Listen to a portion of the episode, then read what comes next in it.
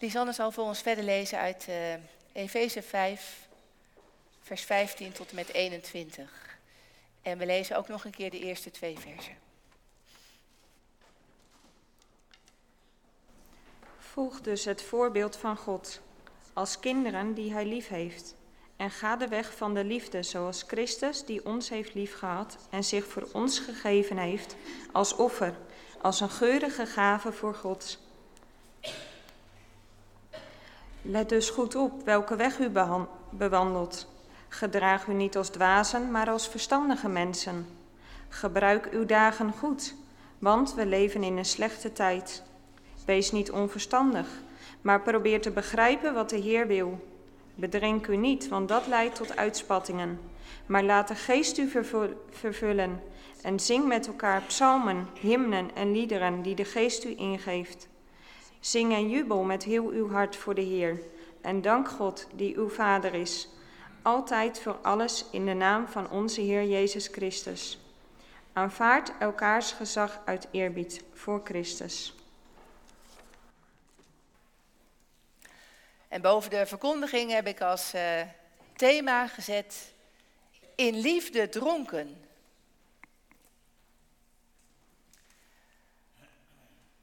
Gemeente van Jezus Christus, jongeren, ouderen, hier in de kerk en thuis.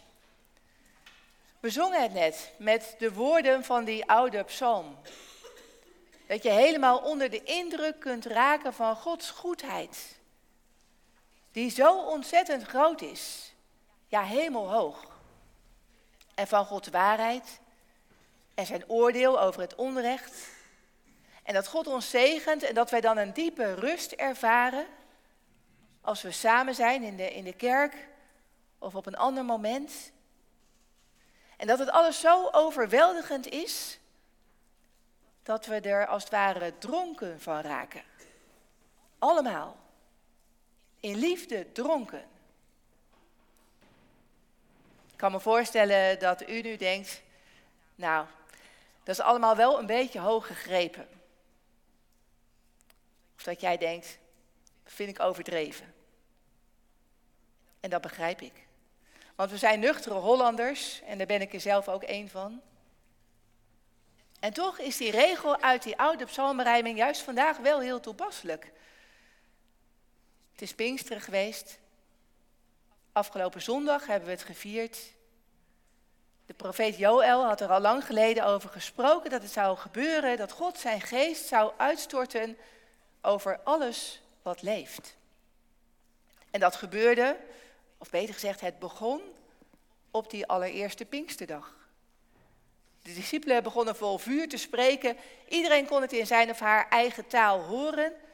En dat riep bij sommigen de gedachte aan dronkenschap op. En ze zeiden dat weliswaar spottend. Nou, die discipelen, die leerlingen van Jezus, die zullen wel dronken zijn. Maar kennelijk was er wel iets wat hen daaraan deed denken. Ze zagen iets aan die volgelingen van Jezus en ze legden de link met een glaasje te veel op hebben. Nou, in de brief aan de gemeente in Efeze worden die twee dingen ook naast elkaar gezet. Dronken zijn en vervuld zijn van de Heilige Geest.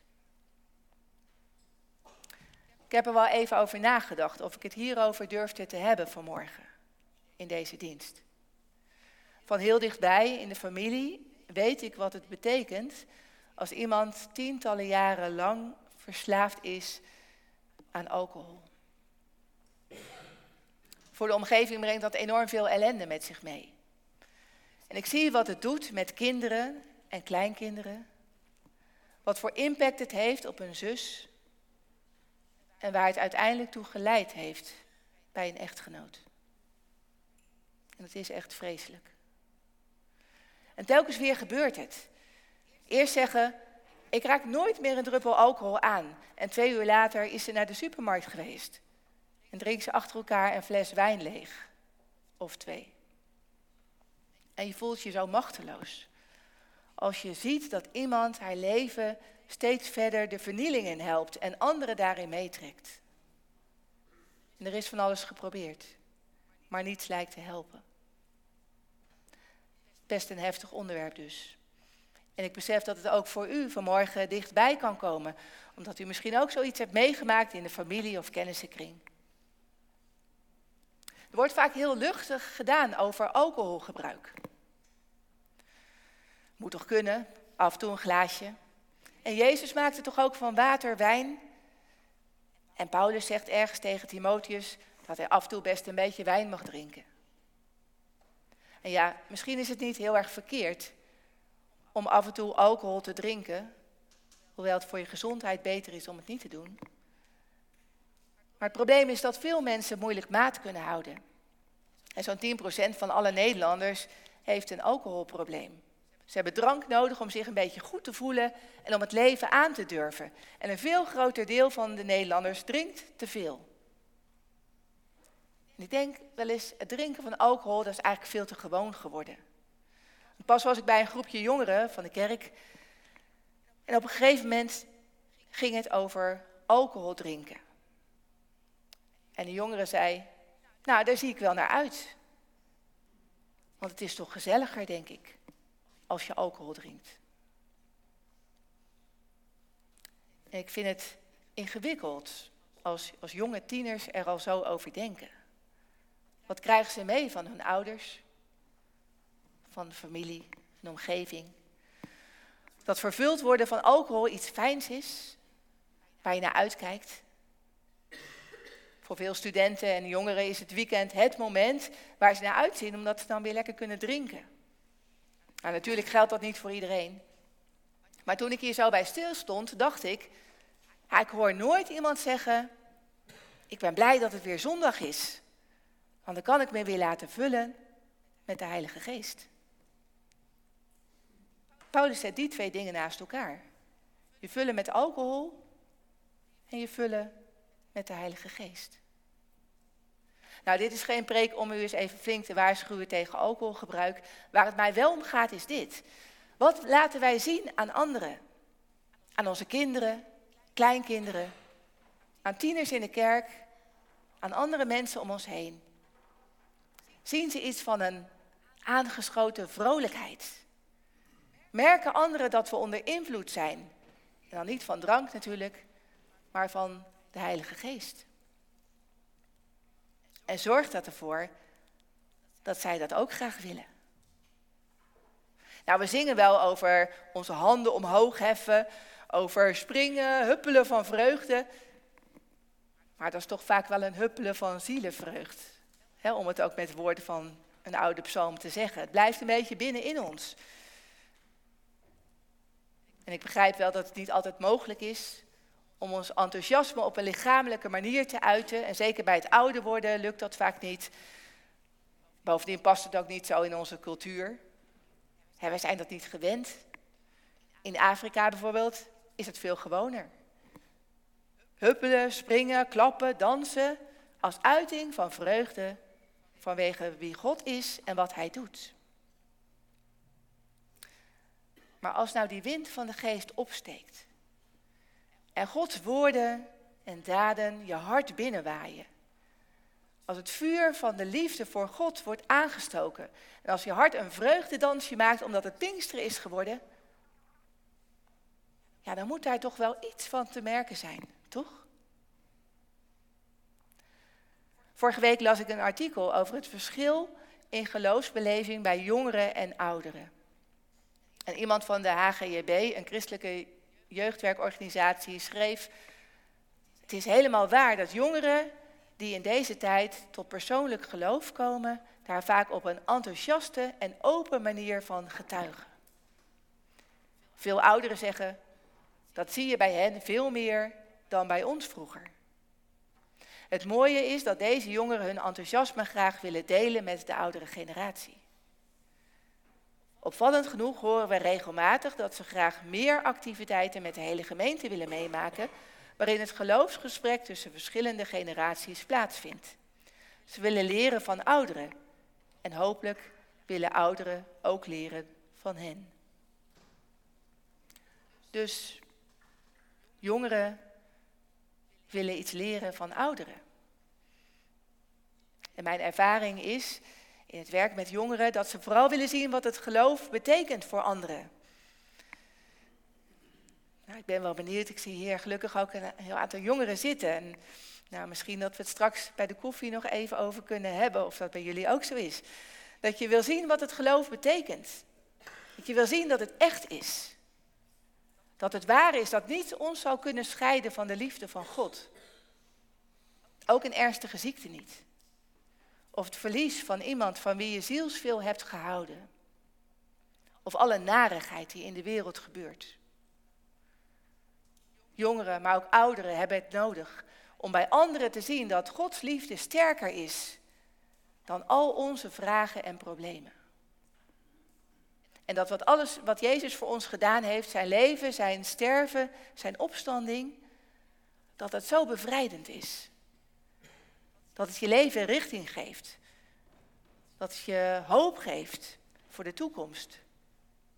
En kracht en rust in het leven hier en nu. Maar als het bij die zielenvreugd blijft, als er aan de buitenkant nooit iets van te merken is, ja, dan moeten we ons misschien wel afvragen of we niet wat missen. Of we in de loop van de jaren niet een beetje leeggelopen zijn. Kort geleden was ik bij een ouder iemand die zich afvroeg, als ik overlijd, weten mijn kinderen dan wel dat ik echt in God geloof? En dat ik Jezus nodig heb als mijn redder? Heb ik wel genoeg laten zien? Had ik er niet meer over moeten zeggen? En die vraag kwam in dat gesprek steeds weer terug. En diegene worstelde daar echt mee. Het is nog niet te laat om wat te zeggen. Maar daarvoor moeten we soms wel eerst een drempel over. En de Heilige Geest helpt ons daarbij. Hij geeft ons de moed, de kracht om te getuigen van Gods liefde in Jezus Christus. Zonder de Heilige Geest komen we niet tot geloof in Jezus Christus als onze Heer en Verlosser. De Heilige Geest is het die Jezus volop in het licht zet. Net zoals een schijnwerper een kerktoren verlicht of een ander mooi gebouw. En dat valt dan op als je daar in het donker langs, langs loopt. En zo ga je ook door de Heilige Geest steeds meer zien wie Jezus is in deze soms duistere wereld waarin wij leven.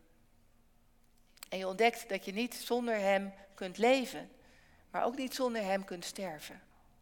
En dat is het eerste wat gebeurt. Je komt tot geloof, je ontvangt de Heilige Geest en die wijst je op Jezus.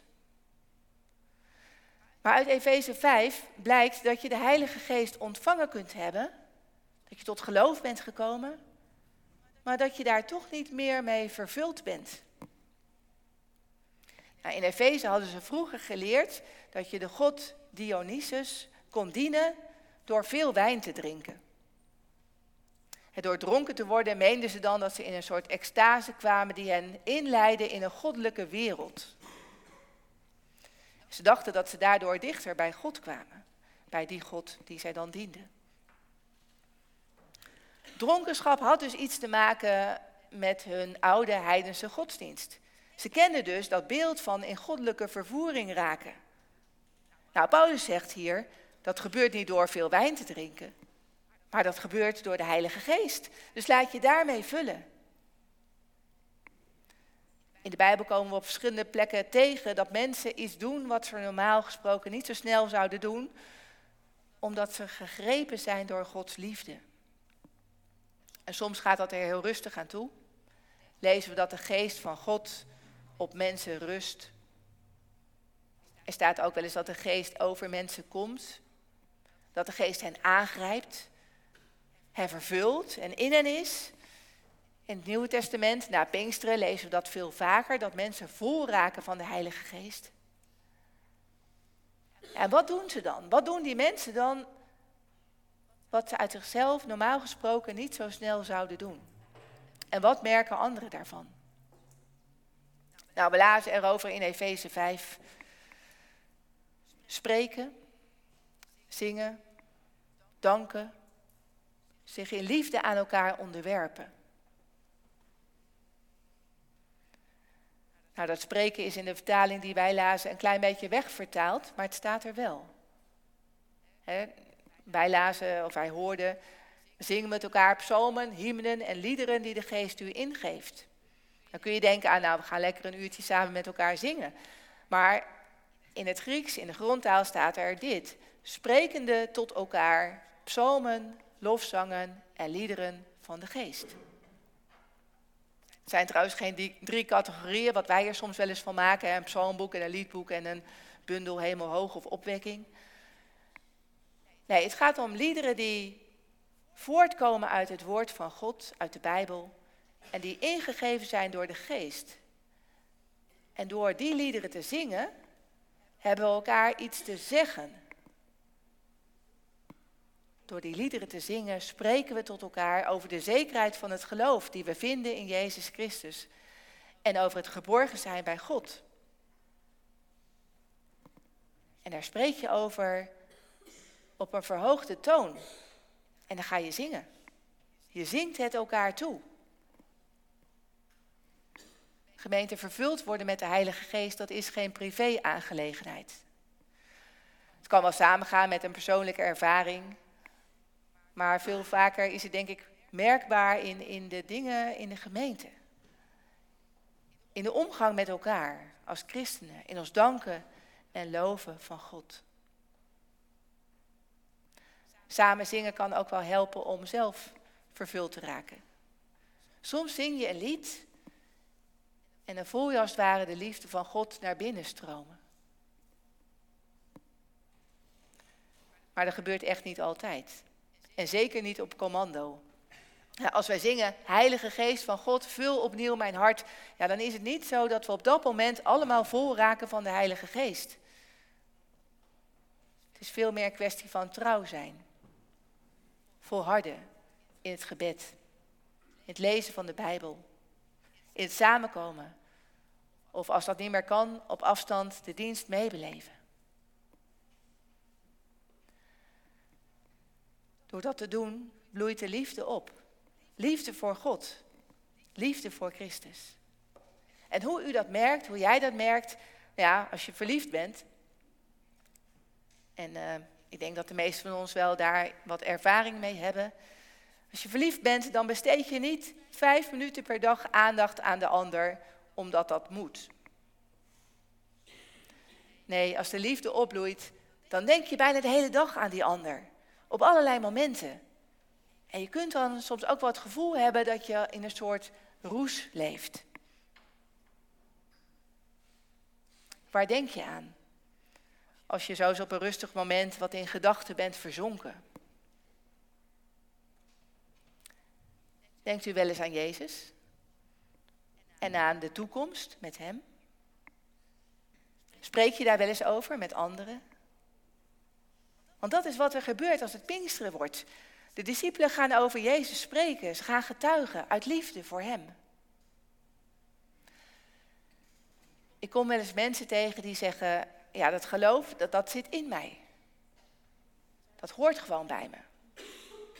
Zo van, nou dat heb ik nou eenmaal en dat is genoeg. En meestal kunnen ze dan verder ook niet zo heel veel over zeggen.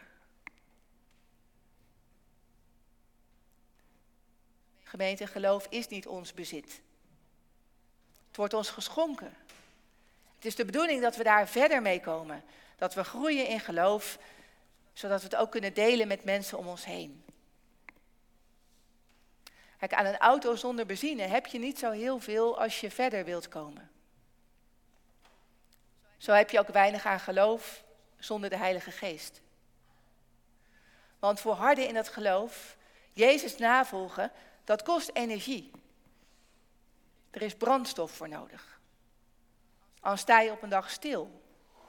En dan kom je erachter dat je niet meer verder kunt met het geloof. Stilstand is als het om geloof gaat eigenlijk altijd achteruitgang. En daarom roept Paulus ons op. Laten de geest u vullen. En dat u, dat staat er in het meervoud. Het geldt voor heel de gemeente. Jongeren, ouderen en iedereen daartussenin. En er staat ook niet, zou u dat misschien eens willen proberen? Nee, het is geen suggestie. Het is een opdracht. Laat je vullen. Maar het brengt ons ook wel een beetje in verlegenheid. Want heb ik er dan invloed op of ik wel of niet vol word van de Heilige Geest? Ik kan mijzelf toch niet vullen?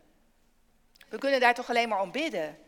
Heilige Geest van God, vul opnieuw mijn hart. Ja, dat klopt helemaal. Zo staat het er ook. Laat u vullen. Hoeven we niet zelf te doen. Dat kan ook niet. Maar laat het wel gebeuren. Zorg er maar voor dat u onder invloed raakt van de Heilige Geest. Hoe dan? Nou, ik heb het al gezegd. Door trouw te zijn. Door te volharden in bidden, Bijbel lezen en zingen. En als het kan, om dat dan ook samen te doen. En door elkaar te respecteren en te dienen. Omzien naar elkaar dus. Dat je bijvoorbeeld de moeite en de tijd neemt om voor anderen woorden te spreken of op te schrijven van een psalm of een ander lied. Elkaar dienen heeft ook alles te maken met vervulling van de geest. In Efeze 5 en 6 gaat het daar verder over. De onderlinge verhoudingen in de kerk, binnen het huwelijk, het gezin en in de kerk. Laat de geest u vullen. Het is Gods werk. Hij stort zijn geest uit. Maar in Efeze 4 lezen we dat we de geest wel kunnen tegenwerken. We kunnen hem bedroeven door de manier waarop we met elkaar omgaan. Of door slordig te zijn in het onderhouden van onze relatie met God. En we kunnen ons leven ook zo vol stoppen met andere dingen dat er geen ruimte is in je leven voor de geest.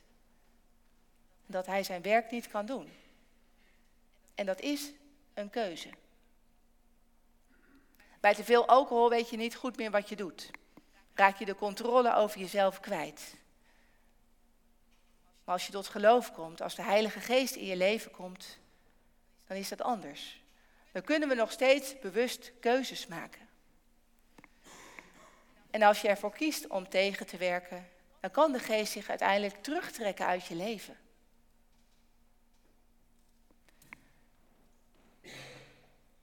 De liefde van God en van Jezus kunnen ons als het ware dronken maken. Daar hoorden we over. En dan worden we niet losbandig, zoals bij echte dronkenschap, maar wel in de goede zin van het woord loslippig. Vrijmoedig in het spreken over Jezus Christus. Net zoals Petrus op die allereerste Pinksterdag. En als dat nou weg is, die geestelijke uitbundigheid, als je daar niets meer van herkent, laat het dan niet voor wat het is. Jezus roept ons op. Staat in Openbaring 2. Als je verslapt bent in het geloof. Als er geen vonken van liefde voor God meer zijn. Als geloven een sleur is geworden. Kom dan tot inkeer. Anders neem ik de kandelaar weg, zegt Jezus. Jezus kan zijn geest wegnemen uit ons leven. En dat doet hij niet zomaar, echt niet. Het is absoluut niet wat hij wil. Maar als wij het zelf echt laten afweten, en de geest geen ruimte geven om te werken, dan kan het uiteindelijk een keer ophouden. Want de geest laat geen bom afgaan in ons hart. Hij dringt bijna nooit met geweld ons leven binnen. En vaak gaat dat geleidelijk. Je wordt er steeds voller van. Maar het omgekeerde gaat meestal ook geleidelijk. Het leeglopen, het kwijtraken van het enthousiasme van het geloof. Mooi woord trouwens in dit verband, enthousiasme. Stamt af van een Grieks woord dat betekent onder invloed zijn van God. God in je hebben. In de Griekse mythologie noemde men iemand die door een god bezeten was een enthousiaste. Nou, dat zouden we na Pinksteren allemaal toch moeten zijn. Enthousiaste mensen. Onder invloed van God. Dat is het werk van de Heilige Geest. Hij maakt ons enthousiast over Jezus. En als we niets doen, dan raken we dat op den duur kwijt. Laat de Geest u vullen. Het is voortdurend nodig. En we hebben daar zelf ook een actieve rol in. Het is Pinksteren geweest. Laten we met volle teugen drinken van wat God ons geeft. En allemaal in liefde dronken worden. Amen.